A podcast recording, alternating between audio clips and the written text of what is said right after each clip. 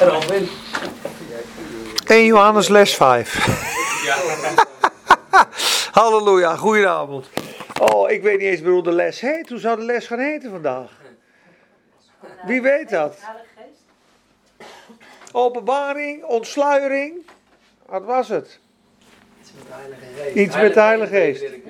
Nou, Vader in de hemel, we danken u voor uw glorie, uw liefde, uw grootheid en uw genade. U bent onze Vader en u hebt ons gekocht en betaald en in de hemelse gewesten gezet. Heer, u kent ons door en door en zonder u, Heer, zijn we verloren en alleen. Heer, u bent het begin en het einde. Heer, wij danken u voor deze avond weer samen met elkaar, Heer. O Heer Jezus, we roepen uw naam aan. Heilige Geest, open onze ogen, doe ons groeien. Zet ons vrij, ontsluier onze harten en onze ogen, want we willen zien, Heer. Zien wie u bent, zien wat u gesproken hebt, zien wat Johannes de apostel bedoelt in het schrijven, Heer, het plan, het doel. Heer, u schiep ons met een doel, Heer, om uw liefde te delen, om in gemeenschap te wandelen, met u, met elkaar, Heer, om een expressie te zijn van uw goedheid, uw glorie en uw kracht. Heer, en alles wat wij ja, denken te weten, Heer. Heer, vermenigvuldig het of verander het maar, Heer. We vragen dat u ons leidt en dat u spreekt vanavond en dat u aanvult, dat u blinde vlekken wegneemt, Heer, dat u jukken breekt, dat u harten vrijzet, Heer, dat u ons geloof bouwt. Geloof bouwt en dat, u, dat we mogen toenemen, voornamelijk hier in het leven. Het eeuwige leven wat u gegeven heeft om daarin te blijven en uw leven te ervaren, Heer. Heer, daar zijn, dat, dat, daar zijn we voor geboren, zijn we voor gemaakt, Heer. Heer, ik bid zo uw zegen erover. In Jezus' naam. Amen. Amen. Amen. Nou, ik zal het uh, zo beginnen. De eerste les hadden wij het over uit God geboren zijn. Dat we uit God geboren zijn met een nieuwe geest en een nieuw hart. Daar hebben we over gepraat uit God geboren. En toen hebben wij gesproken over wandelen in het licht. Ging over dat je niet volmaakt hoeft te zijn, maar wel oprecht. Omdat God dat eeuwige leven aan ons gegeven heeft in Johannes uit genade. Hè? We zijn gered, we, zijn, we hebben eeuwig leven. Maar hoe wandel je nou in het eeuwige leven? Hoe blijf je in die vreugde? Hoe blijf je in die joy? Hè? We hebben deze dingen geschreven opdat uw vreugde volkomen wordt. En dan heeft hij het over wandelen in oprechtheid in het licht. Dus geen achterdeurtjes. En dan blijf je in de gemeenschap met God. En daarna zegt hij dat is mooi als je rein en schoon bent. Maar je broeder hebt die ook lief. Want als je God lief hebt en je broeder en je staat rein, dan blijf je in hem. He, dat hadden we in de derde les. Wat was dat gebod? Dat gebod wat aan het begin gegeven was. Dat zei hij in 1 Johannes 2, vers 24. Als in u blijft wat u van het begin gehoord hebt, zult u ook in de Vader en in de Zoon blijven. En dan lazen we in hoofdstuk 3, vers 11. En dit is het gebod wat hij van het begin gezegd heeft. Dat wij elkaar zouden liefhebben. Dus in de liefde blijven met elkaar. In de liefde met God blijven en geen achterdeurtjes, oprecht. Toen dacht ik, de volgende les, nou, laten we het niet te zondebewust maken. We moeten zoonbewust worden. Hebben we gesproken over de vergeving van zonde, de kracht van de zonde. Ik had zo'n lijst met teksten waar ik niet aan toegekomen ben. Want ik laat me vaak leiden door de Heilige Geest. Ik bereid wat voor, maar ik word zelf onderwezen door God tijdens het onderwijzen. Dus leidde de Heilige Geest ons naar de wet. De kracht van de zonde is de wet. Als je de zonde wil overwinnen, het klinkt heel, heel raar, dan moet je de geboden houden. Nee, dan moet je op de Heer Jezus gaan rusten en je laten leiden door de Heilige Geest. En nou zegt Johannes in hoofdstuk 5, zijn geboden zijn niet zwaar.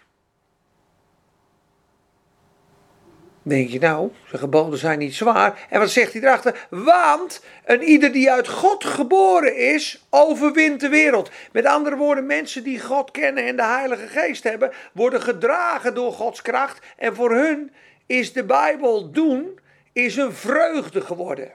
Maar niet meer om punten te scoren.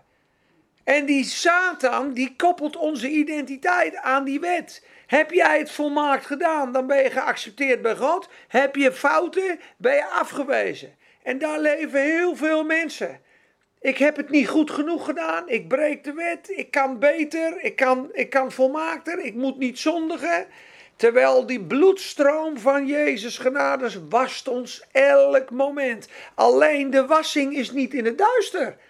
Zodra wij wandelen in het licht, reinigt zijn bloed ons. Zodra je in het licht bent, word je gereinigd. Maar als je in een achterdeurtje zit, indien we zeggen dat we gemeenschap met God hebben, maar in het duister wandelen, ja, dan zijn we wat liegen. Dan doen we de waarheid niet. En op dat moment wordt niet jouw persoon bevlekt, want jouw persoon is schoon in Christus, maar wel je doen en laten, dus je kleding en je gedrag en je geweten. He, dus je loopt te roddelen, zei je. Je bent lekker in de vrede en je loopt te roddelen. Of je, ik noem maar wat, van de week was ik uh, heel kort af tegen iemand. Dan voel je gewoon dat het leven uit je stroomt. Dan denk ik, ja, je veroordeelt die man. Je bent veel te kort af tegen die man. Dat moet je gewoon niet doen, Peet. Sorry heer, ik bedoel, u wil dat ik iedereen lief heb. Wat doe je nou raad, hè, die man? Wat zit je hem nou te oordelen? Is hij niet goed genoeg voor jou? Wie ben jij dan? En dan beleid je dat. En soms loop je te praten. Kijk, je loopt uh, rare pla praat loopt te verkondigen. Soms heb je dat wel eens als mannen onder elkaar. Dan denk je na een kwartier ook, nou, ik weet niet waar de Heilige Geest gebleven is in de zalving, maar die lijkt wel door de achterdeur vertrokken te zijn. Dan snap je, die dingen is gewoon met hem wandelen. En ik wou dus vertellen over de kracht van zijn vergeving. maar we bleven dus in het principe dat hoe, de, hoe meer je onder de wet leeft, hoe krachtiger de zonde terugkomt in je leven. Wij zijn gerechtvaardigd uit het geloof. Dat is een geschenk. Dat, dat geschenk betekent dat je alle geboden van God volmaakt gehouden hebt. Dus God geeft het gewoon als een cadeau. Je, je hebt de hele wet volbracht. Je bent helemaal schoon, helemaal zuiver. Alle goedheid die op Jezus is, die komt op jou. Dus je begint niet om die wet te volbrengen. Nee, je begint vanuit een volkomen gerechtvaardigheid. En in die blijdschap, in die vrede, ga je natuurlijk leven in de liefde. En de liefde is de vervulling van de wet. De liefde kwetst de naaste niet. En de liefde sticht. Dus wat wij zijn geroepen tot liefde. En ehm, nou ja, wat ik nog wilde zeggen over de vergeving van zonde. En dat hoeven we nu niet te lezen, maar dat was Leviticus 4. Dat was een schuldoffer, vroeger een zondoffer voor je zonde. Dus die zondige natuur, die fabriek die in ons zit, die is aan het kruis beëindigd. Hè? Dus eigenlijk de, de Satan, de satanische, demonische, adamitische natuur. Dat klinkt heel moeilijk, maar dat is je gevallen natuur. Dat is een vijand van God. Daar zegt Paulus van, in mijn vlees woont geen goed. Zit geen goed in mijn vlees. Dat is een rebel. Die haat God. Nou, die is gekruisigd met Christus. En die fabriek, die is gesloten, want anders zou die kanonnen blijven produceren, zeiden we. En als je elke keer je kanonnen weghaalt, maar de fabriek is niet gesloten, ja, dan blijf je dweilen met de kraan open. Jezus heeft aan het kruis de zonde volkomen verpulverd.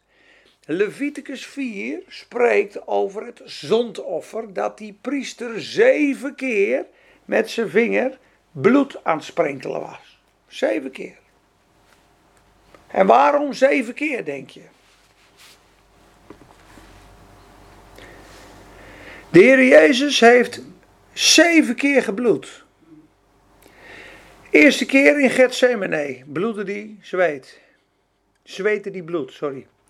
Tweede keer trekken ze zijn baard uit, slaan ze hem op zijn gezicht, profiteer even wie je sleugen net. Je bent toch een profeet? Dan bedekten ze zijn ogen met een blinddoek, sloegen ze hem, trokken ze zijn baard uit. En ze sloegen.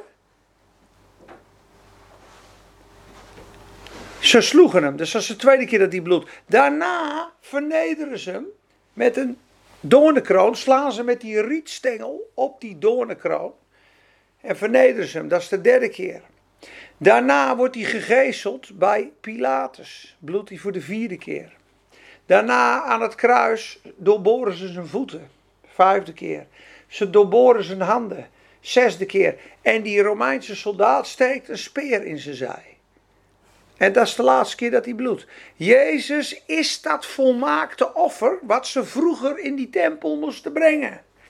Elk offer is vervuld in Christus. En in Leviticus heeft God een oplossing gebracht voor de zonde en de zonden en de overtredingen en het aanvaardbaar zijn voor God. Dus die liefelijke reuk voor God. En je hebt dus het hiefoffer en de mieloffering. Dus het maaltijdsoffer en het, het bewegingsoffer. En die priesters gingen van links naar rechts en die anderen stonden zo. Zie je? Wat ze doen? Het kruis. Wat ze vroeger al aan doen. Allemaal. Het spreekt allemaal van Jezus. En al die offers zijn vervuld in Christus. En de zondeprobleem is volkomen opgelost. Zonde, overtredingen, schuld, zonde. Daarom zegt Martin Lloyd Jones zo mooi. Voor een christen om ooit nog onder veroordeling te komen is niet alleen onmogelijk, het is ook nog absurd. Want wat met Christus gebeurd is, is met de gelovigen gebeurd. Als je je afvraagt, kan de Heer Jezus ooit nog onder veroordeling komen? Nee, natuurlijk niet. Dat is absurd. Hoe bedoel je Jezus onder veroordeling? Hij is zonder zonde. Hij is tot zonde gemaakt, is in de hel nedergedaald en hij is opgewekt. En daar zit aan de rechterhand God. En hij was smetteloos. En hij heeft de wet vervuld. Er is geen wet die Christus aan kan klagen. Maar dus ook ons niet. Dus wij moeten absoluut vrij van verdoemenis, aanklacht, oordeel zijn. We zijn voor eeuwig volmaakt en gered. Dat is de positie waar dat eeuwige leven jou gebracht hebt. En dat verbindt jou met God. Dan kwam je dieper in God en dan gaat dat heiligmakingsproces beginnen. Van joh, lieve schat, ik heb niks tegen je, ik ben je vader, maar ik voed je op. Die opvoeding in het geloof is dat hij je af en toe de vinger op de zere plek legt en zegt: joh, zou je niet eens stoppen met gokken? Want dat is niet zo goed voor je. En als je daar niet mee worstelt, kan het iets anders zijn. sommige mensen hebben een, een, strijd met wat dan ook. Maar je kan hoogmoedig zijn. iedereen is in een school. Maar dat licht schijnt daarop. En dat is niet een licht van veroordeling. Dat is een licht van liefde. Waarvan hij zegt heel lieflijk: dat moet je loslaten. En dan brengt het je dieper in de gemeenschap met God. En daar gaan we nu verder in 1 Johannes, ik hem lekker in de Telos lezen, die is het zuiverst, Telos vertaling. 1 Johannes 2, vers 12 gaan we beginnen. En we lezen tot vers 17. 1 Johannes 2, vers 12 tot 17. De zondemacht is gebroken. De schuld is gedragen. We zijn vrij van veroordeling. En de basis van het evangelie begint daar ook. En dat gaat hij ook nu zeggen in vers 12. De zonde is teniet gedaan, eens en voor altijd. En in, dat is even van vorige week nog een klein stukje. We zijn uit het domein van de zonde verlost. Dat is Romeinen 6, vers 2. We zijn nu gestorven voor de zonde. We zijn uit zijn greep zij gaat de greep van Satan. Uit zijn domein, uit zijn overheersing, uit zijn territorium, uit zijn grip. We zijn uit de, grip van de zonde gered door het offer van Jezus en overgebracht in het koninkrijk van zijn zoon. En nu zijn wij geliefde kinderen. Oké, daar komt hij. 1 Johannes 2, vers 12. Ik schrijf u, kinderen, omdat de zonden u vergeven zijn, ter wille van zijn naam. Jouw en mijn zonden zijn volkomen vergeven en dat is voor eens en voor altijd, verleden, heden en toekomst. Dat is het goede nieuws. Ik schrijf u, vaders, omdat u hem kent, die vanaf het begin af is.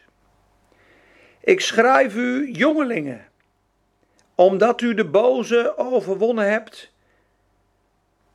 ik heb u geschreven, kinderen, omdat u de Vader kent.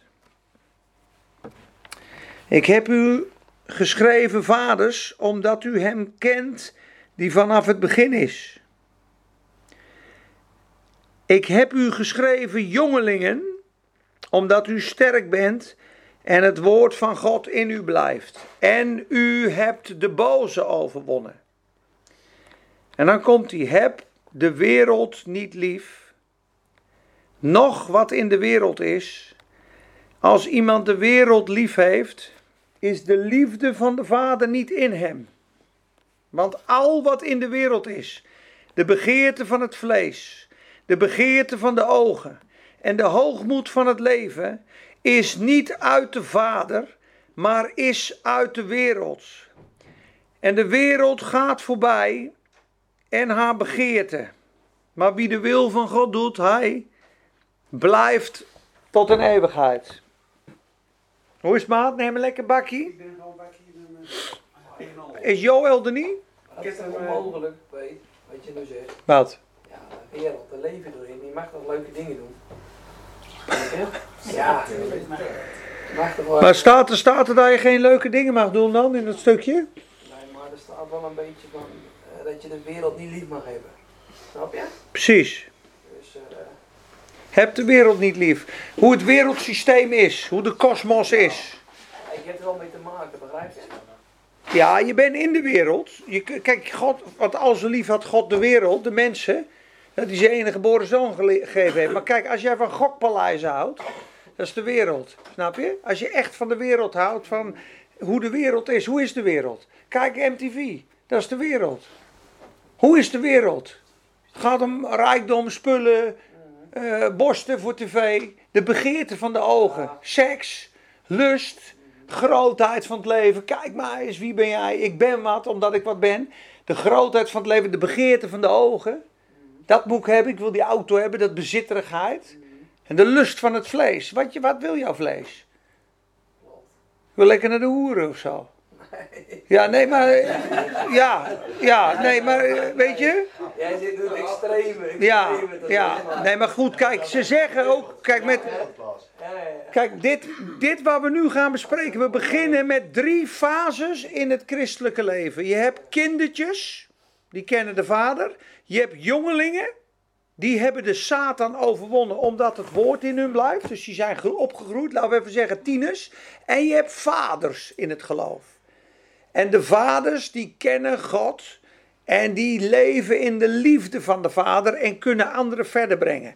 Nou is stukje 15 tot 17, dat wat, wat we allemaal moeilijk vinden. Want ik zou eerlijk zeggen, toen ik dit voor ging bereiden, ik vind het ook niet zo'n makkelijk stukje. Heb de wereld niet liever begeerte van de ogen, begeerte van het vlees. Ja, ik heb ook een sportauto, de grootheid van het leven. Ja, ja, ik vind mooie kleertjes ook mooi. Ik hou, snap je? Snap je? Maar als daar. Het, kijk, die kleren is niet het probleem, die auto is niet het probleem. Maar het gaat erom: hang jij je identiteit en je vreugde daaraan vast? Precies. Is, is God jouw vader en jouw bron? En geniet je van alle dingen die hij gegeven heeft? Er is niks mis met eten, er is niks mis met seks, er is niks mis met geld en er is ook niks mis met macht. Alleen als je macht gaat misbruiken, seks gaat misbruiken, geld gaat misbruiken, gaat het mis. Als eten je afgod wordt en je bent 310 kilo, gaat er iets fout. Als seks je enigste voldoening is, gaat er iets fout. Dan wordt het een obsessie, wordt het een afgod. Het moet onder de liefde en leiding van God zijn. Je moet los zijn van die wereld. Weet je, ga je geheel anders. De hele wereld ligt in het boze, ligt in de boze. Als je het nog heftiger wil horen, in Lucas 16 staat: Alles wat in de wereld prijzenswaardig is, is bij God een gruwel. Dus waar de wereld staat te juichen, kijk eens MMA, boem, je bent het. God heeft niks met dat wereldsysteem. Voor wat hoort wat. Als je niks bent, dan ben je niks. Als je niks hebt, dan ben je niks. Je moet spullen hebben, je moet bewijzen, je moet dit. Nee, in het koninkrijk is het de minste. De grootste onder u is uw dienaar. Als je veel weggeeft, dan krijg je veel van mij. Maar wie veel geeft, de laatste, de minste, de nederigste. Dat is niet prijzenswaardig in de wereld. Als je ingehaald ha- wordt op de snelweg en je bent de minste. De kleinste onder u, de grootste onder u is degene die u dient. zegt hij. En ieder die zichzelf vernedert, zal verhoogd worden. Maar een ieder die zichzelf verhoogt, zal vernederd worden. Wat is het in de wereld? Groter, beter, sneller, status. Wie ben jij? Ik ben God. Ik ben de king of my own domain. Dat is het toch? Hij heeft het goed voor elkaar. Hij heeft het goed voor elkaar. Hij straatarm. Die heeft de Heer Jezus niet. Die heeft het goed voor elkaar. Laten we Lucas 11 eens lezen. Met de rijke dwaas. Laten we dan toch een beetje gaan surfen. Ben een mooi brief, Lucas 11, de rijke dwaas. De rijke dwaas. Die willen allemaal. Dat is mooi. Dat is 11 vers. Nou, ik het goed heb hoor.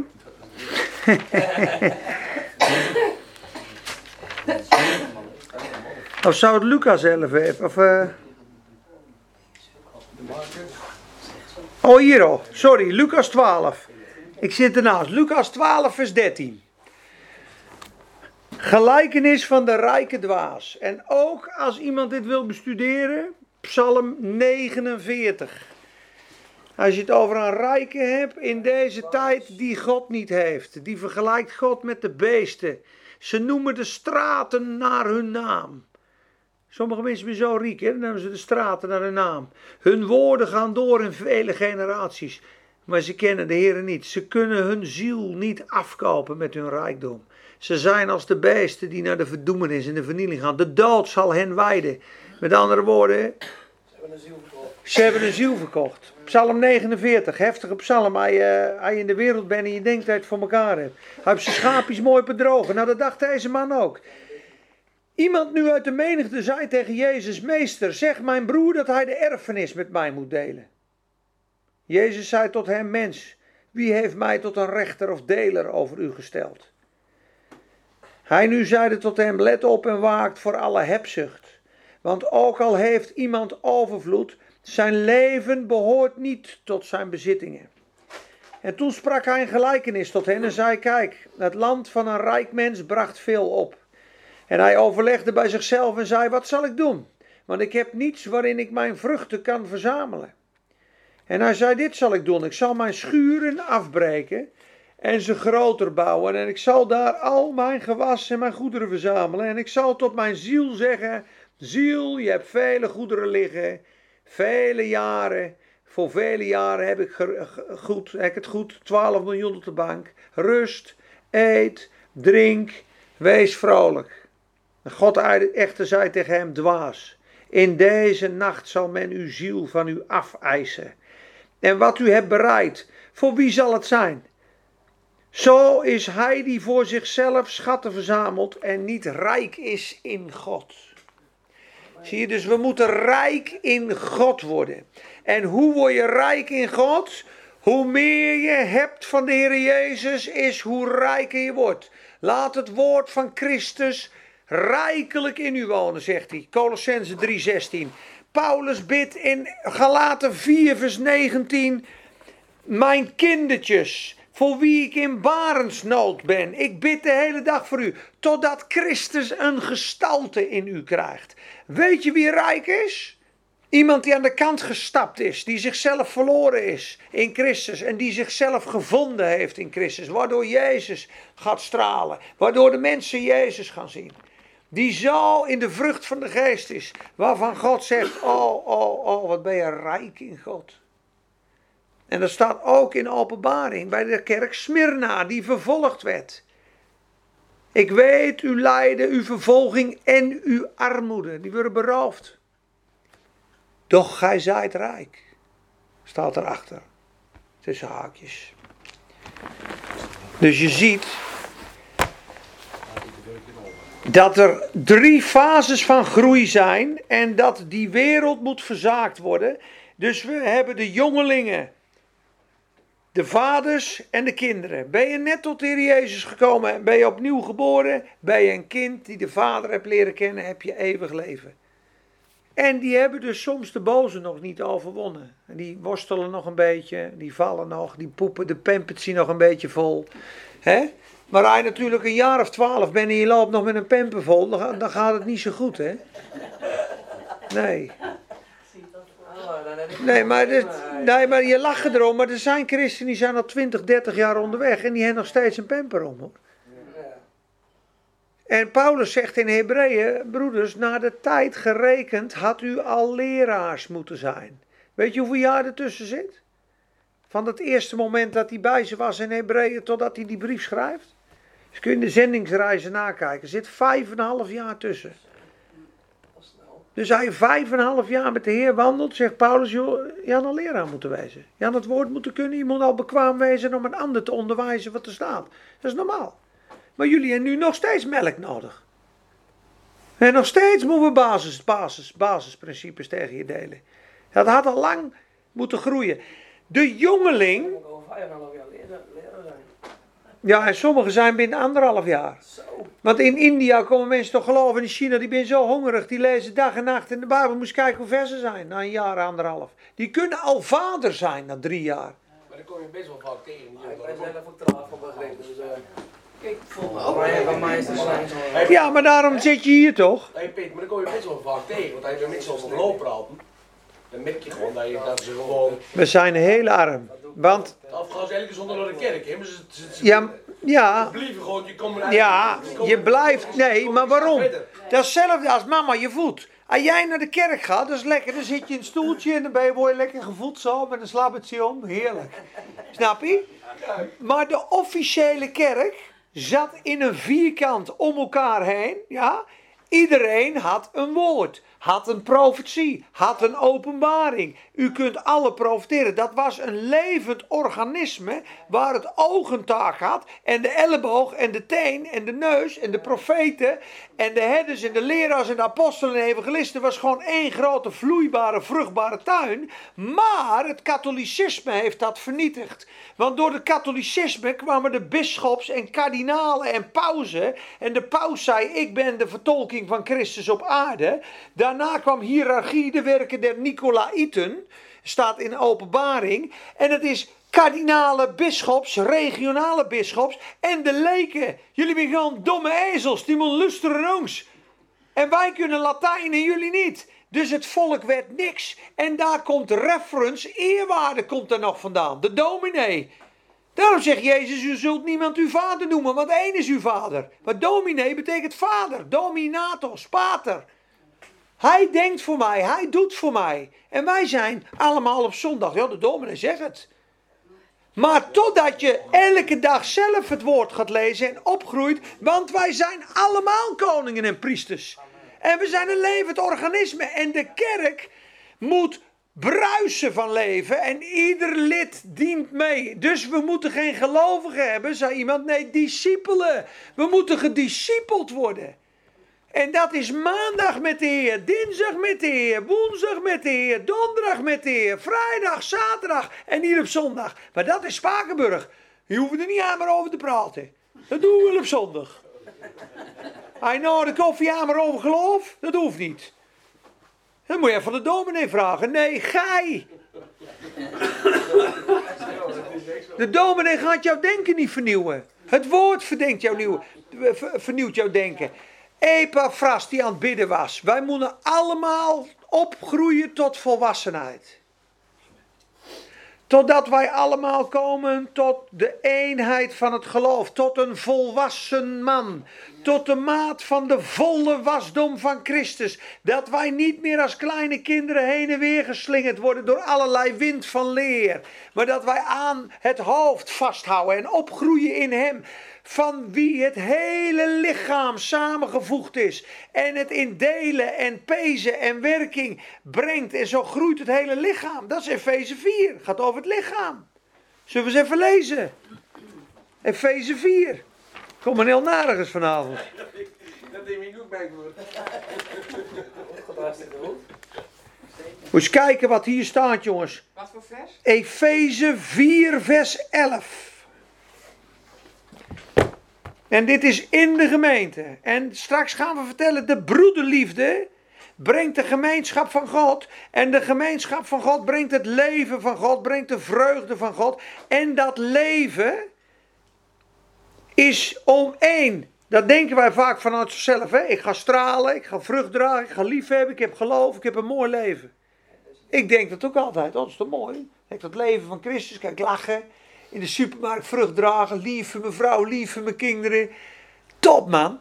En toen dacht ik, vanmiddag las ik in het boekje, toen zegt hij, maar weet je waar dat echt voor is, dat leven? Om je broeder lief te hebben. Maar in principe wordt het dan ook ook cult, hè? Want dan ga je verheffen boven, god, ik doe het allemaal wel. Ja, als je, als je, kijk, dan is het heel ik gericht. Als ik gelukkig ben en ik een mooi kind ben van God en ik straal. Maar uiteindelijk, als je elkaar lief hebt, wordt de gemeente gebouwd. Hun zeggen, overal waar broederliefde stopt, is de kerk gestopt. De kerk is een vertolking van de broederliefde. Dat moet het zijn. Het, die, die, dat leven van Jezus en die liefde, die liefde die God voor jou heeft, heb u naaste lief zoals u zelf. En God boven alles, dat is, dat is de hele Bijbel. Op het moment dat die liefde is onderling, groeit het lichaam, groeit de kerk, groeit de uitdrukking. Maar kijk maar hoeveel verdeeldheid er hier is. Hoeveel ruzie er al is. Dat gaat terugkomen. Dat gaat terugkomen, laten we het hopen. Dat gaat echt terugkomen. Maar de liefde van God. Kijk maar eens wat hij zegt in, in Efeze 4, vers 11. En het is in de gemeente. Dus laten we zeggen, we doen nu net of we in de Paulustijd zitten. Er is geen één kerk in Spakenburg, alleen de kerk van Spakenburg, de gemeente. Ja? En in die gemeente heeft hij gegeven sommigen van de gemeente als apostelen, anderen als profeten, anderen als evangelisten, anderen als herders en leraars. Om de heiligen, dat zijn alle gelovigen, te volmaken. Waar, waartoe? Waartoe moeten ze volmaakt worden? Volwassen te worden, staat er. Tot het werk van de bediening. Wat is dat werk van de bediening? Het opbouwen van het lichaam van Christus. Totdat wij allen komen tot de eenheid van het geloof. Dat we één zijn. Tot het kennen van de Zoon van God. Tot een volwassen man. Iedereen moet groeien. Tot de maat van de volgroeidheid van de volheid van Christus. Opdat wij niet meer onmondig zijn. Ik weet het niet, moet je dan de dominee vragen. Dat we niet meer onmondig zijn, heen en weer bewogen en rondgedreven door elke wind van leer. Ja, hij zegt dit, hij zegt dat, die zegt dat. Ja, wie de vrije gemaakt, dat gaat zo, dat gaat zo. Ja, ik weet het ook niet meer. Dat, omdat je zelf niet geworteld bent. Heen en weer door elke wind van leer. Door de bedriegerij van mensen die door hun sluwheid listen leggen en u doen dwalen. Maar u moet de waarheid vasthouden in liefde. En in alles opgroeien tot Hem die het hoofd is. Dat is namelijk Christus. Uit wie het hele lichaam, samengevoegd en verbonden door elk gewricht, dat de ondersteuning verleent naar de werking die in elk deel is toegemeten, dan zal de groei van het lichaam bewerkt worden tot opbouw in liefde. De liefde sticht, kennis maakt, opgeblazen. Wij moeten kampioen liefhebben worden. Dat is het doel. En dat heb ik al vaker gezegd. Straks kom je in de hemel. Hoeveel rolstoelen hij leeggebeden. Hoeveel doden hij opgewekt. Hoeveel zaken hij start. Nee, heb je leren liefhebben? Ja, dan zeg je wat. Hoe was je relatie tot je broer? Hoe ging je met je buurman om dan? En met je broeders in de kerk dan? Een gekruisigd leven. Al zo lief had God de wereld zeggen dat hij zijn leven aflegde. Als God ons zo heeft lief gehad, moeten we ons leven stellen voor de broeders. Daar moeten we allemaal kampioen in worden. En dat doen we allemaal heel zwak. Want als we het er niet mee eens zijn, dan uh, politieke liefde noemen ze dat. Politieke liefde. Als je net zo denkt als ik, dan ben een dobbeltje. Politieke, kom je bij mij een politieke partijtje? Dan hou ik van je. Maar God heeft iedereen lief. En wij moeten Gods liefde delen. Ik net zo goed. Want ik heb ook een vooroordeel. En ik ben ook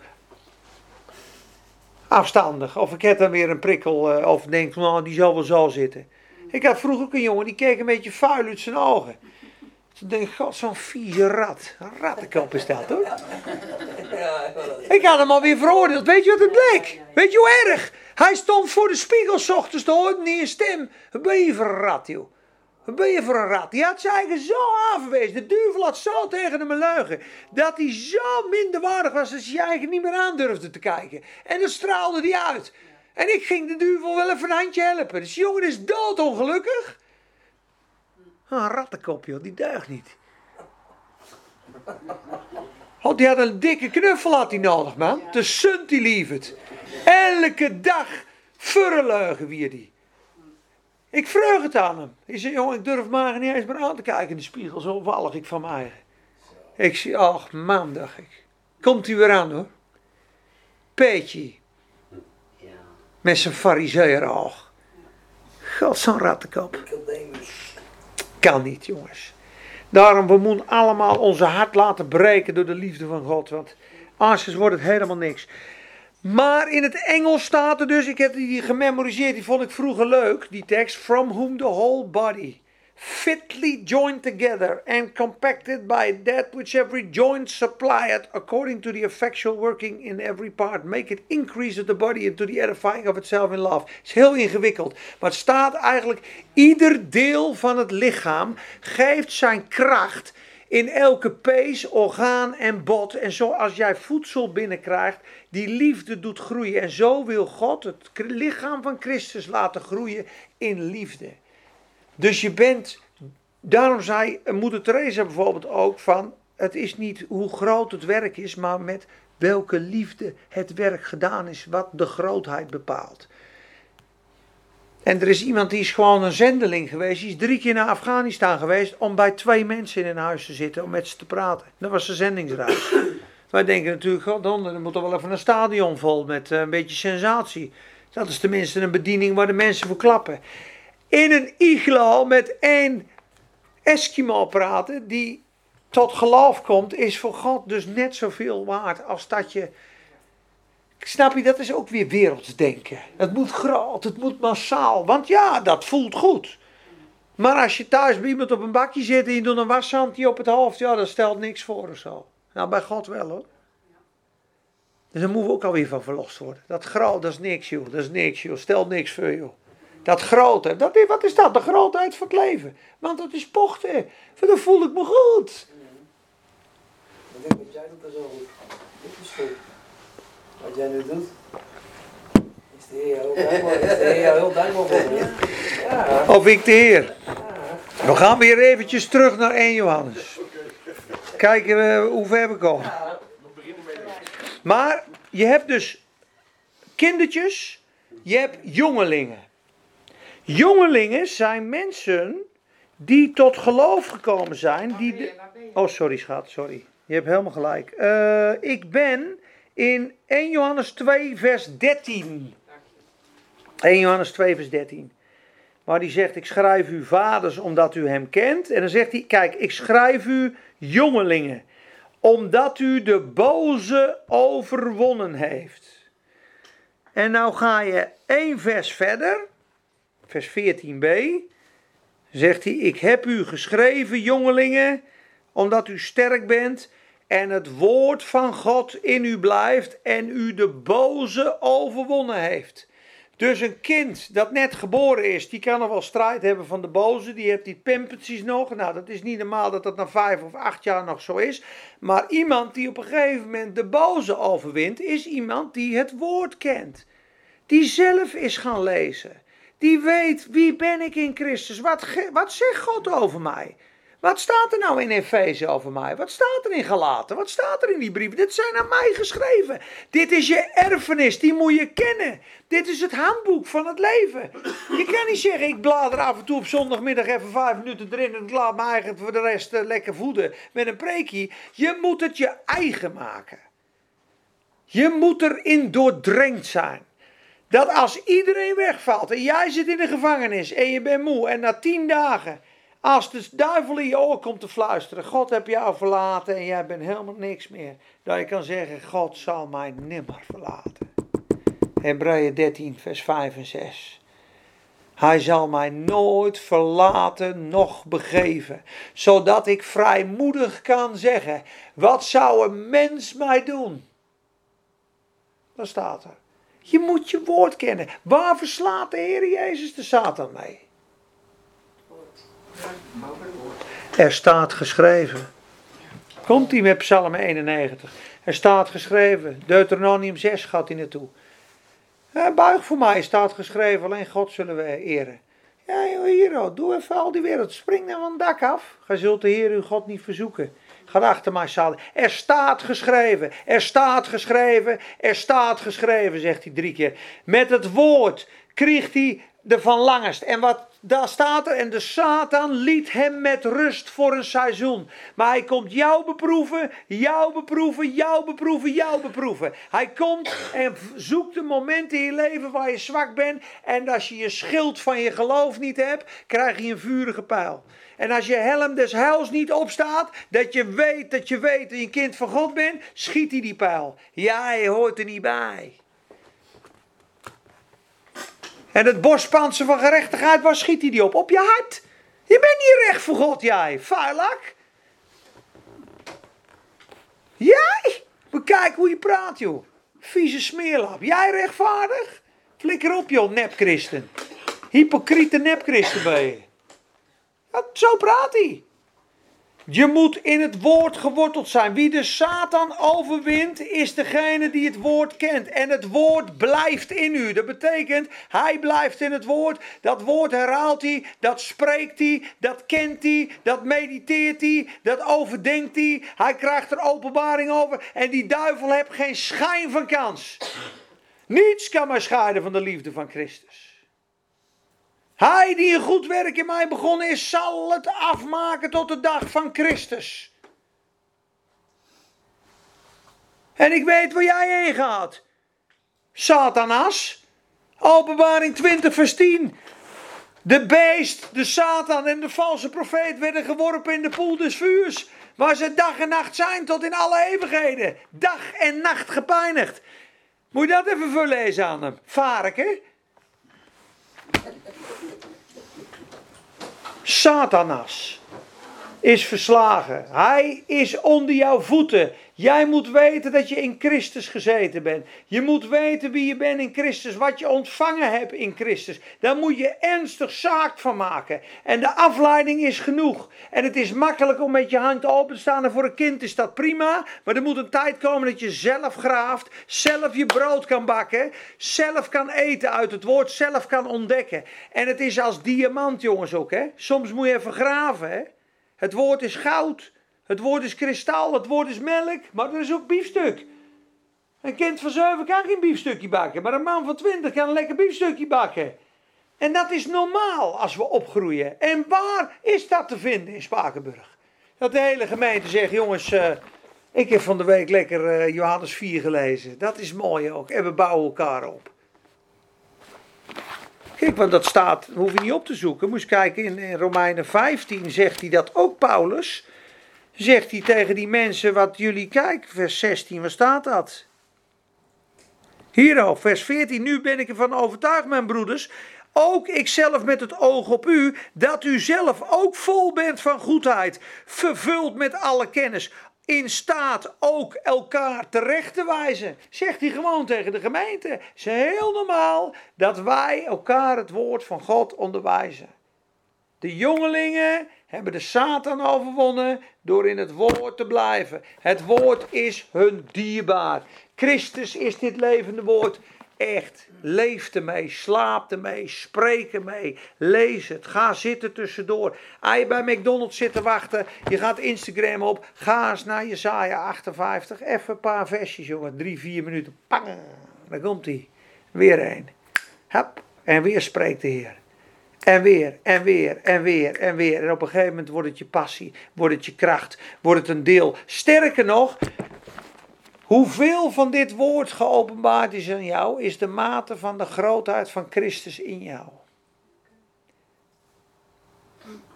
Hoeveel je gehoorzaam bent aan dit woord, is de onderworpenheid aan Christus. Want Hij is het woord. Het levende woord. Als dit woord in je hart komt en het wordt levend, is het Christus. Dit woord is Jezus. Het is het zaad. Zaad van het koninkrijk. Dat groeit in je. Melk. Drink Verlang naar de onvervalste melk van het woord, dat u daarmee mag groeien. En daarna krijg je biefstuk. Dat zegt hij in Hebreeën 5 bij die gasten. Jullie hadden al leraar moeten zijn. Jullie hebben nog melk nodig. Je kunt geen vast voedsel aan. Vast voedsel is diepe, zware openbaring. Dat is in een kind. Nee, daar kan, kan ik niet in. Nee, geef maar een lamsbout aan, aan een kind van twee jaar. Die koudt zijn hele snavel ja, kapot. Maar dat is niet gezond, jongens hoor. En die jongeling, die in het woord gegroeid is, weet je hoe die een vader wordt? En daar zit ik ook in, in dat proces. Die overwinnen de wereld. Want die jongeling, die kent dat woord, die heeft die Satan overwonnen. En dan komt die Satan nog met een stukje hoogmoed van het leven. Stukje lust, stukje dit. Ja, mooi autootje, tuintje, ditje, datje, lekker. Ah, lekker, lekker, lekker. Dat houdingje moet er ook aan. En als dat houdingje ook nog weg is, dan is er niks meer van jezelf over. Dan zie je de Heer Jezus en die Vader. En dan word je totaal volwassen. Ik zie dat bijvoorbeeld bij Jan Paul. Dat is echt een man die is geworteld in God. Of zo'n Anton van der Laak onderlaatst. Dat is een vader. Die staat daar in rust, in vrede. Die doet niet moeilijk, die draagt vrucht vanuit de kern van wie die is. Die wandelt met God. Dat is iemand die is opgehouden voor zichzelf te leven. Ik had vroeger ook zo'n bijbelleraar. Dan zei ik, Hein, maar jij bent altijd lief. Jij bent altijd in die vrede. Hoe doe je dat? Elke keer dat ik jou bel, dan, ben je, dan zit je erin, weet je wel. En dan zei die jongen, maar het gaat al lang niet meer om mij. Die is weg. Het gaat al lang niet meer om mij. Arie erover. Reageert niet eens. Hem uitschelden. Is helemaal geworteld in God. En jij, ik ben wel een sterren te keren gegaan. Dan een religieuze gezeik van je. Donder op joh. Dit en dat. Maar echt uit je hart. Mooi hoor. Ik vind het wel mooi dat je dit doet zo. Geweldig. Ah, goed voor jou joh. Echt. Het raakt de vergimeter joh. Dat zijn mensen zijn gestopt te leven voor zichzelf hebben alles aan Christus gegeven. Hoeven geen status meer te zoeken, hoeven geen bevestiging meer van mensen, hoeven niet meer gekieteld worden om te lachen, weet je wel. Ik snap het wel. We hebben eh, pijn in onze ziel en dan vind je het lekker. En ik ben ook nog niet bij vader. Maar als je vader bent, en drink je van de Heer, eet je van de Heer en dan ben je voldaan en verzadigd in Hem dan kan de hele wereld tegen je zijn. En dan zeg je, ja, maar ik ben in hem geworteld, joh. Het raakt me echt niet. Ik vind het jammer misschien voor jou dat je me niet aardig vindt, maar ik zal er geen seconde om droeven. Kijk, want anders zit je waardering in die mens. Anders je vindt mij niet aardig. Wat moet ik doen om je aardig, om, om je liefde te verdienen? Want ja, ik ben een beetje karig. Ik wil wel dat je me aardig vindt. Want daar hangt toch wel mijn waarde van af. Wat mensen van me zeggen, wat mensen van me denken. Wat het je allemaal? Ja, tien uur en vijf, grote auto's. Ja, waarom vindt iedereen Joel Beukers leuk? Omdat hij zeven gouden auto's heeft en een heel syndicaat en iedereen maar gaaf, gaaf, gaaf. Maar niet rijk in God. Die, die, die fitnessgoeroe, snap je? Dat vindt de wereld mooi natuurlijk. Goud, spullen, lekker lichaampje, flaneren. Het verkoopt natuurlijk heel goed, hè? Maar goed, laten we maar niet oordelen, want God heeft hem lief. En we bidden dat hij rijk in Christus wordt. Om zegenen, Peter. Zegenen. Joël, zegenen je, jongen. Oh, dat je net zo rijk mag worden in Christus als dat je bent hier op aarde. Dan gaat het aardig goed. Maar de vaders. De vaders. Oké, nou, wat doet de wereld met ons? Als wij christenen zijn en we zitten vast aan dingen in de wereld en wij zijn er allemaal schuldig aan. We houden van een Netflix-serie, we houden van een filmpje, we houden van een stukje dit, we houden van een stukje dat. Maar de wereld brengt een bedekking en een versluiering.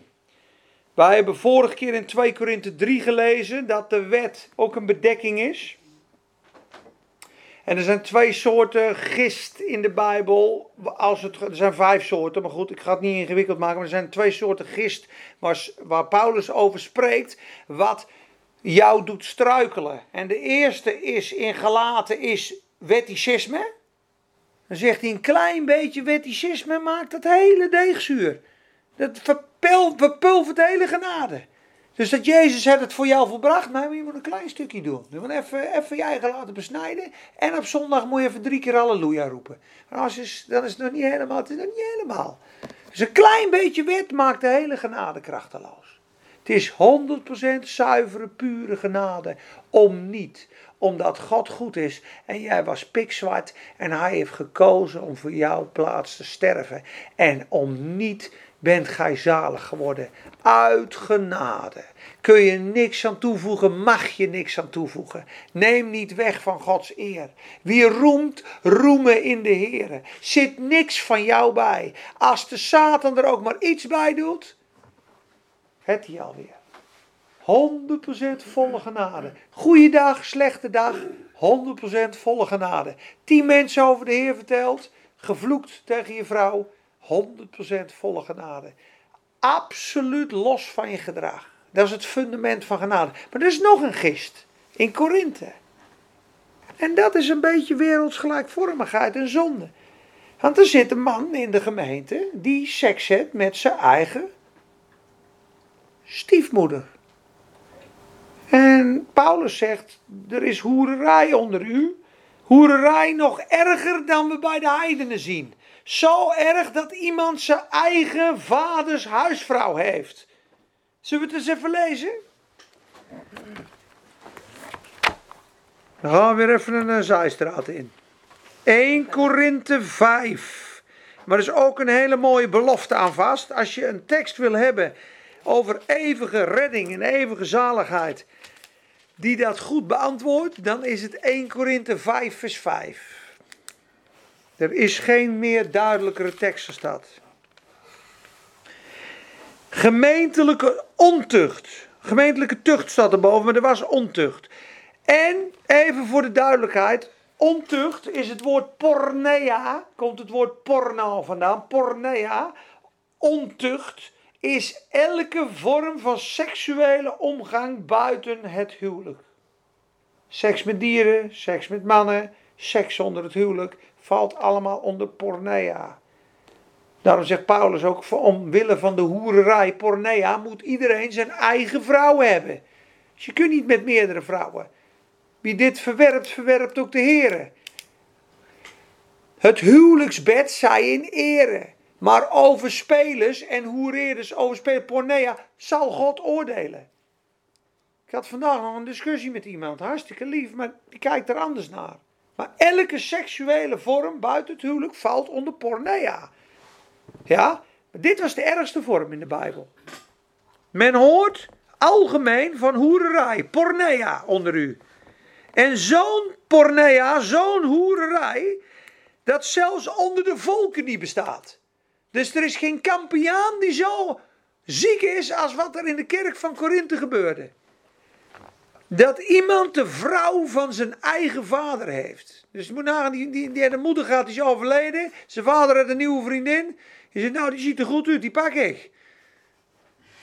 Dat is toch wel heel apart.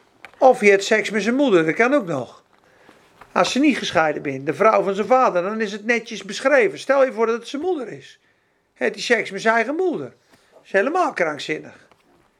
Of niet? Dat is een christen, hè, dit. Dat is ongelooflijk. Dat is een kind van God, dit. Dat ga je nu lezen. En u in de gemeente bent nog opgeblazen. En hebt niet getreurd. Met woorden, je haal, haal je schouders op met z'n allen.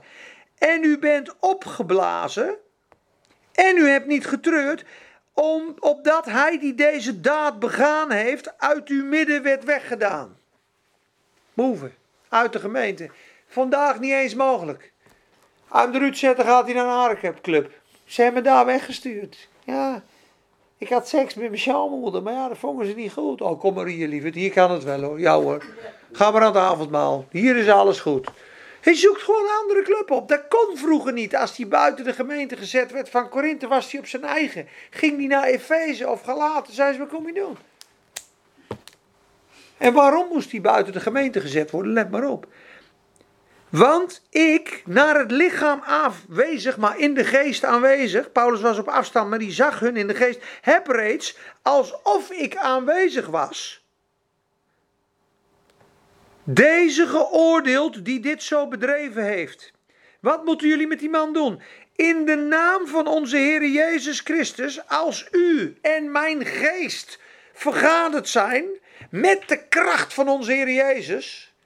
Dus als ze samenkwamen, was Paulus in de geest er gewoon bij. Zo'n krachtige geest had Paulus. Die zegt gewoon 4000 kilometer verderop en in de geest was hij bij hun. Als jullie en mijn geest met de kracht van de Heer Jezus samenkomen. Dat is heftig, hè jongens? Dat is, dat is geestelijke eh, autoriteit en, en in de geest, hoor. Ik bedoel, Elia was niet de enige die in de geest zag, Gehazi. Ik zag ik u niet op de berg, daar die kleren en de goud aan de pukken en van Naaman. Bovenkop. Dat vroeg hij, hè? Gehazi, van waar komt gij? En dan zei hij, ik ben nog herwaarts, nog derwaarts geweest. En toen zei Elia, maar ik zag net in de geest dat je op dat bergje daar die goud en die kleren aangepakt hebt. Van Naaman. Maar de melaatsheid van Naaman zal nu aan u kleven, Gehazi. Pats, zo wit als sneeuw was die. Geen grappen met Elia. maar mijn geest is vergaderd en de kracht van onze Heer Jezus Christus. Zo iemand moet aan de Satan overgegeven worden tot het verderf van zijn vlees, zijn lichaam, opdat de geest behouden wordt in de dag van de Heer. Moet je nagaan. Zijn geest is gered. Die gaat naar de Heer, zijn lichaam gaat naar Satan. Die leeft zo in zonde. Dat is zo'n gist en vernietiging in de kerk. Dat de hele kerk bevlekt zou worden. Dus die zei, die moet je eruit gooien. En die moet je overleveren aan de boze. In zijn zonde. Dat is heftig dit, dat maken we niet mee vandaag. Dat zijn lichaam verloren gaat, maar zijn geest behouden wordt in de dag van de Heer. Dan wordt hij wel nog gered. Hij is gered. Want dan zegt hij, uw roemen is niet goed. Weet u niet dat een klein beetje duur, zuurdeeg het hele deeg doorzuurt? Klein beetje zonde toestaan in je leven, doorzu- doorzuurt het ook. Dat is in zonde leven, dat is een deurtje open hebben staan. Even een wietplantagetje erbij, even een beetje zwart geld, even een beetje stiekem. Even een, beetje chatten met iemand eh, zonder dat mevrouw het weet, ik noem maar wat. Die stiekeme achterdeurtjes is een klein beetje gist, maakt het hele deeg zuur. Maar in de kerk is het net zo. Ik, zie- ik denk wel eens in de kerk, jongens, we laten soms, even serieus, iedereen mag komen en binnenkomen. Maar als ik bij een bedrijf ga werken, waar duizend man zit, krijg ik eerst een sollicitatiegesprek. Kijken ze eerst naar je cv. Wie ben je? Wat heb je gedaan? Je komt hier in het bedrijf. eh dan krijg je gewoon een screening. In de kerk en iedereen nu zo tegen binnenkomen. Wat hij ook gedaan heeft. Je weet het niet. Iedereen is welkom bij de Heer. Maar hier, die moest eruit, hè. Want als je dus in, ik noem maar wat, je bent getrouwd als, als kind van God. Je gaat scheiden, je komt met je nieuwe vriendin de kerk in. Dat is allemaal prima. Ik noem maar wat. Maar je leeft in de zonde op dat moment. En we zijn gewoon welkom en we gaan gewoon prijzen. Maar ik, ik denk je echt, hè, als de kracht van de Heilige Geest echt aanwezig is, word je overtuigd van zonde. Maar ik denk in de dag hoe wij nu samenkomen, dat er heel weinig kracht is. Dat denk ik echt. De demonen worden ook niet onrustig. Ah, Ik zat in Amerika onder prediking. Als ik dan maar iets had wat niet wat recht zat, denk ik. Je hebt het over mij. Hoe, hoe, weet hij dat? Er was zo'n aanwezigheid van God dat hij het gewoon niet durfde te wagen. Ik weet nog dat ik buiten stond, met, niet om te veroordelen, maar ik stond buiten met een sigaretje. Weet je wel? Die kwam aanlopen, Hein Postma. En ik, deed, ik schrok gewoon. Ik deed mijn sigaret achter mijn lichaam. Dit heb ik bij Heineken gemaakt en in Amerika. Er was zo'n bepaalde heiligheid en atmosfeer dat het toch... Het voelde een beetje raar als ze langers riepen. Van, weet je, gewoon overtuigd. Dan ben ik serieus. In Korinthe zegt Paulus, als jullie allemaal in tongen bidden, dan verstaat een ongelovige jullie niet. Maar als jullie allemaal profiteren, Gods woord spreken, zal die binnenkomen, zullen de geheimen van zijn hart geopenbaard worden en zal die luidkeels op zijn knieën vallen en aangeven dat God werkelijk in uw midden is. Dat zie je in opwekking ook, dat mensen spontaan de zonde begonnen te beleiden. Bij Wigglesworth ook, die zit gewoon in een, in, een treincoupé. En dan kwamen twee priesters aan. U, over, u overtuigt ons van zonde. En dan zit hij er alleen al. Zo'n heilige geest op hem. In opwekkingen zetten de bierglazen zijn wel eens vastgevroren aan de bar. In Wales. Dat was gewoon het hele neerdalen van de Heilige Geest. Vijf kilometer verder op een schip worden ze spontaan de zonde aan beleiden, mensen. In de opwekking van Spakenburg ook een jongen van 16. Ah, dat is mij in het hart, zegt hij. En luidkeels begint hij zijn zonde te beleiden. En scheurde zijn kleren kapot. De mannen eruit, jongen. In 1840 hier al. Kinderen die gingen zingen. Die naar de burgemeester toe liepen. U moet u bekeren, burgemeester. Een kind van elf. Zo'n kracht en gezag, daar moeten we naar terug. Dat is de kerk. Dan kun je niet ontspannen en goedkoop zondigen. Dan vul je je niet ontspannen in die heilige atmosfeer. Dat is geen veroordeling, maar dat is gewoon hoe God werkt. Die gemeente moet heilig en zuiver en smetteloos en onberispelijk zijn. En daarom zegt hij, kijk maar, zuivert het oude zuurdeeg uit, opdat u een nieuw deeg wordt.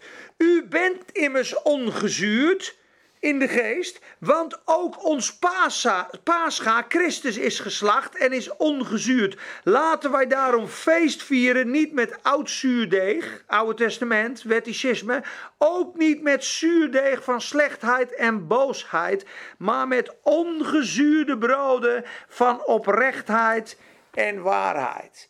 Dus als je in de liefde en het licht gaat wandelen met z'n allen en je ziet dit als één gemeente, komt de helderheid en de kracht van God. En dat deeg van de wet is een bedekking, maar dit, dus de wereld is ook een bedekking. Kijk maar eens in 2 Korinthe 4. Hoe meer wereldsgezindheid wij hebben, hoe meer sluiers er op je hart en je ogen komen. De openbaring van Gods woord verlies je ook als je werelds gaat doen. 2 Korinthe 4. Vers 1. Ehm, vers 2. 2 Korinthe 4 vers 2. Kun je het nog volgen? Hoe lang zitten we? Een uurtje. Nog even dan.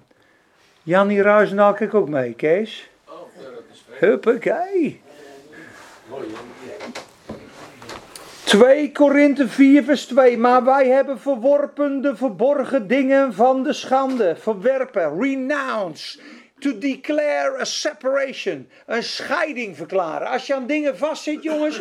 Sta voor Gods aangezicht. Verklaar een scheiding. Zeg gewoon: Heer, ik verwerp dit in mijn leven. Ik verwerp die duisternis in mijn leven. Ik wil er niks mee te maken hebben. We hebben de schande verworpen.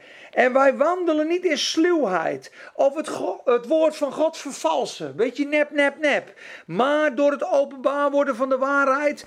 hebben wij onszelf aan ieder menselijk geweten aanbevelen. in de tegenwoordigheid van God. Als dan ons evangelie bedekt is, is het bedekt in hen die verloren gaan. In wie de God van deze eeuw, de God van deze wereld, hun gedachten verblind heeft. Opdat ze de glans van het evangelie niet meer kunnen zien. De God van deze wereld verblindt. Als je werelds gelijkvormig bent, verblind je. In Pergamos, dus, dus de, eh, de gemeente, de derde gemeente in openbaring, had de Satan een listig plan. Je had de eerste gemeente, dat was Efeze. Dat ging allemaal prima, die verlaten hun eerste liefde. Hè? Op een gegeven moment had de tweede gemeente Smyrna. kwam de grote vervolging tegen de kerk. De kerk vermenigvuldigde. Keihard. En, dat, en ze werden onthoofd onder Nero. En ze lijden. Maar de, de Satan zag onder de dag hoe meer ik ze vervolg, hoe sneller ze groeien. En zijn derde strategie was. We maken het een staatsgodsdienst onder Constantijn. Iedereen en alles is welkom. Geen bekering, niks is nodig. Iedereen is, eh, hoort erbij. Iedereen werd christen, wedergeboren of niet wedergeboren. En daar staat Jezus met een tweesnijdend zwaard in Pergamus. Waarom? Hij snijdt hun af van de wereld. Hij zegt, u komt samen daar waar de stroom van Satan is in de wereld. Ik ben degene met het tweesnijdend zwaard. Flatsch! Je moet van die wereld totaal verlost zijn. En hier is het licht. In uw licht zien wij het licht. Als wij wereldgelijkvormig blijven, komt er geen openbaring, komt er geen licht, geen leven, geen groei. En dat weet de Satan. En daarom praat Johannes over het beleiden van de zonde, het liefhebben van je broeders. Je hebt kindertjes, je hebt jongelingen, je hebt vaders, jongelingen. Hoe word je een vader? Heb de wereld niet lief. Nog de dingen die in de wereld zijn. Want al wat in de wereld is, de begeerte van het vlees, de begeerte van de ogen en de grootheid van het leven zijn niet uit de Vader, maar uit de wereld. En de wereld gaat voorbij met haar schoonheid, glans en nama, klatergoud. Alle die een Oscar hebben staan te smilen in Hollywood spuiten zich vol met kook en, en, en, en, en zijn hoeveel scheidingen hebben ze en hoeveel zelfmoorden. Doodongelukkig ben ze. Maar wie de wil van God doet, blijft tot in eeuwigheid. Dit is ook een punt wat Johannes aanstipt. En in vers 18 gaat hij verder, gaan we volgende keer verder over de zalving die jou leert en beschermt. Maar kleine kinderen misleidt hij met valse leer. En dan begint hij in vers 18, zegt hij, mijn lieve kinderen, kijk uit voor de antichristen. Met zijn dit en met zijn dat en met zijn dat. En dat zie je bij jonggelovigen ook gebeuren. En ineens komen ze in een soort leer en groeien ze niet meer. En dan zegt hij dat we niet meer als kleine kinderen heen en weer geslingerd worden door allerlei wind van leer. Ik wil eindigen met een laatste tekst. Hoe krijg je openbaring uit het woord? 2 Petrus en dan stoppen we. Laatste vijf minuten. 2 Petrus 1 vers 19. Jongeling die wil groeien. Robin wil groeien. Zit vol in het woord. En dan zegt Petrus dit tegen jou en tegen Klaas en tegen alle andere jongelingen die de boze overwonnen. En het woord bleef in hen. 2 Petrus 1, vers 17. Ja, sorry, ik begin in 17. Sorry, ja, dat heb ik vaak. Dan lees ik even, even de context. Dan kom je met een goede aanvliegroute. Je weet van Matthäus 17, de berg der verheerlijking. Daar waren Jacobus, Petrus en Johannes op de berg. Toen zagen ze Mozes en Elia. En Jezus in volle heerlijkheid. En toen hoorde hij een stem: Dit is mijn geliefde zoon in wie ik mijn welbehagen heb. Toen zei hij: heer, drie tenten. Ken je dat verhaal? Daar spreekt hij hierover. Hij zegt, want hij ontving van God de Vader eer en heerlijkheid toen hij van de luisterrijke heerlijkheid zo'n stem tot hem kwam. Deze is mijn geliefde zoon in wie ik mijn welbehagen heb gevonden. En wij hoorden deze stem uit de hemel komen toen wij met hem op de heilige berg waren. Daar spreekt hij hierover. Wij hebben Gods heerlijkheid gezien, we hebben Mozes en Elia gezien, maar dan zegt hij tegen de nieuwtestamentische geloven, zegt hij dit. Ik was op de berg, ik zag hem, maar let op. Maar wij, en zo hebben wij het profetisch woord des te vaster. Het profetisch woord. Het woord hier. En u doet daar goed aan om er acht op te slaan als een lamp in een duistere plaats, totdat de dag aanbreekt en de morgenster opgaat in uw harten. Wat denk je dat dat betekent? Lees die tekst eens voor, jongens. Vers 19. Lees iemand hem eens voor. Kees? En wij hebben het, profetisch woord dat vast en zeker is. En u doet er goed aan daarop achter te slaan. Als het op een lamp die schijnt in de duisternis plaatst, totdat de dag aanbreekt en de morgenster opgaat in uw hart. Ja, dat betekent, het is pikken donker. Ik doe nu het licht niet uit. Ja, en er is één lampje. Hij zegt, u doet er wel aan als naar dat woord te kijken als een lamp die schijnt in een duistere plaats. Dus je kijkt naar die lamp en denkt, daar is, dat is het woord. Totdat de dag aanlicht, totdat het dag wordt en de morgenster opgaat in uw hart. Dus met andere woorden, kijk net zo lang naar die Bijbel als een licht, totdat het kwartje valt. Totdat de dag aanbreekt en de morgenster opgaat in uw hart. En je ineens zien, oh, halleluja, dit is het. Ik zie het. Dat is zien in de geest. En dan zegt hij erachter, ziet wel toe dat geen enkel schriftwoord van eigen uitlegging is. Niet zelf invullen, want mannen van God hebben gesproken van Gods wegen, geleid door de Heilige Geest. Dus het is door de Heilige Geest het woord lezen en je kijkt naar die lamp totdat het kwartje valt. En dan zie je hetzelfde als wat Petrus en Jacobus Johannes op de berg zagen. De verheerlijking van Jezus. Kan dat met elke tekst? 100 Ik zeg dat soms wel, maar niet elke keer. Dus dan moet je langer blijven, dan moet je langer Amen. blijven kijken. Precies. Dan moet je langer blijven kijken. Ja, u doet er goed aan acht slaan op het woord als een lamp in een duistere plaats, net zolang totdat de dag aanlicht en de morgenster opgaat in uw hart. Dus zo lang moet je naar het woord kijken totdat je het snapt, totdat het kwartje gevallen is, totdat je zegt, boom, en nu heb ik hem. Soms heb je het heel snel, hè? Ja, nou ja, dan uh, hij al een, uh, een snel dagje. een morgensterretje in je hart. Maar Klaas zei dat nou bijvoorbeeld morgens voor je werk gaat. Einde.